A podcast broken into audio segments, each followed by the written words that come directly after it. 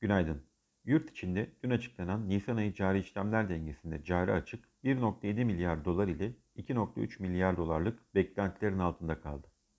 Böylece 12 aylık cari açık 36.3 milyar dolardan 32.7 milyar dolara geriledi.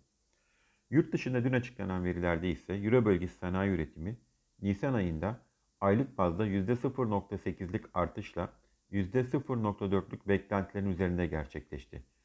Avrupa borsaları Almanya hariç günü yükselişle tamamladı.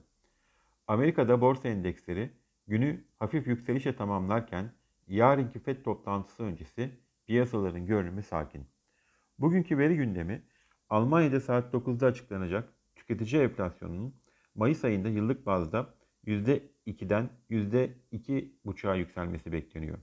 15.30'da açıklanacak verilerde ise Amerika'da üfe enflasyonunun %6.2'den %6.3'e çıkması beklenirken aynı saatte açıklanacak perakende satışların önceki aya göre %0.7 düşüş göstermesi, 16.15'te açıklanacak sanayi üretimin ise aylık %0.6 büyümesi bekleniyor.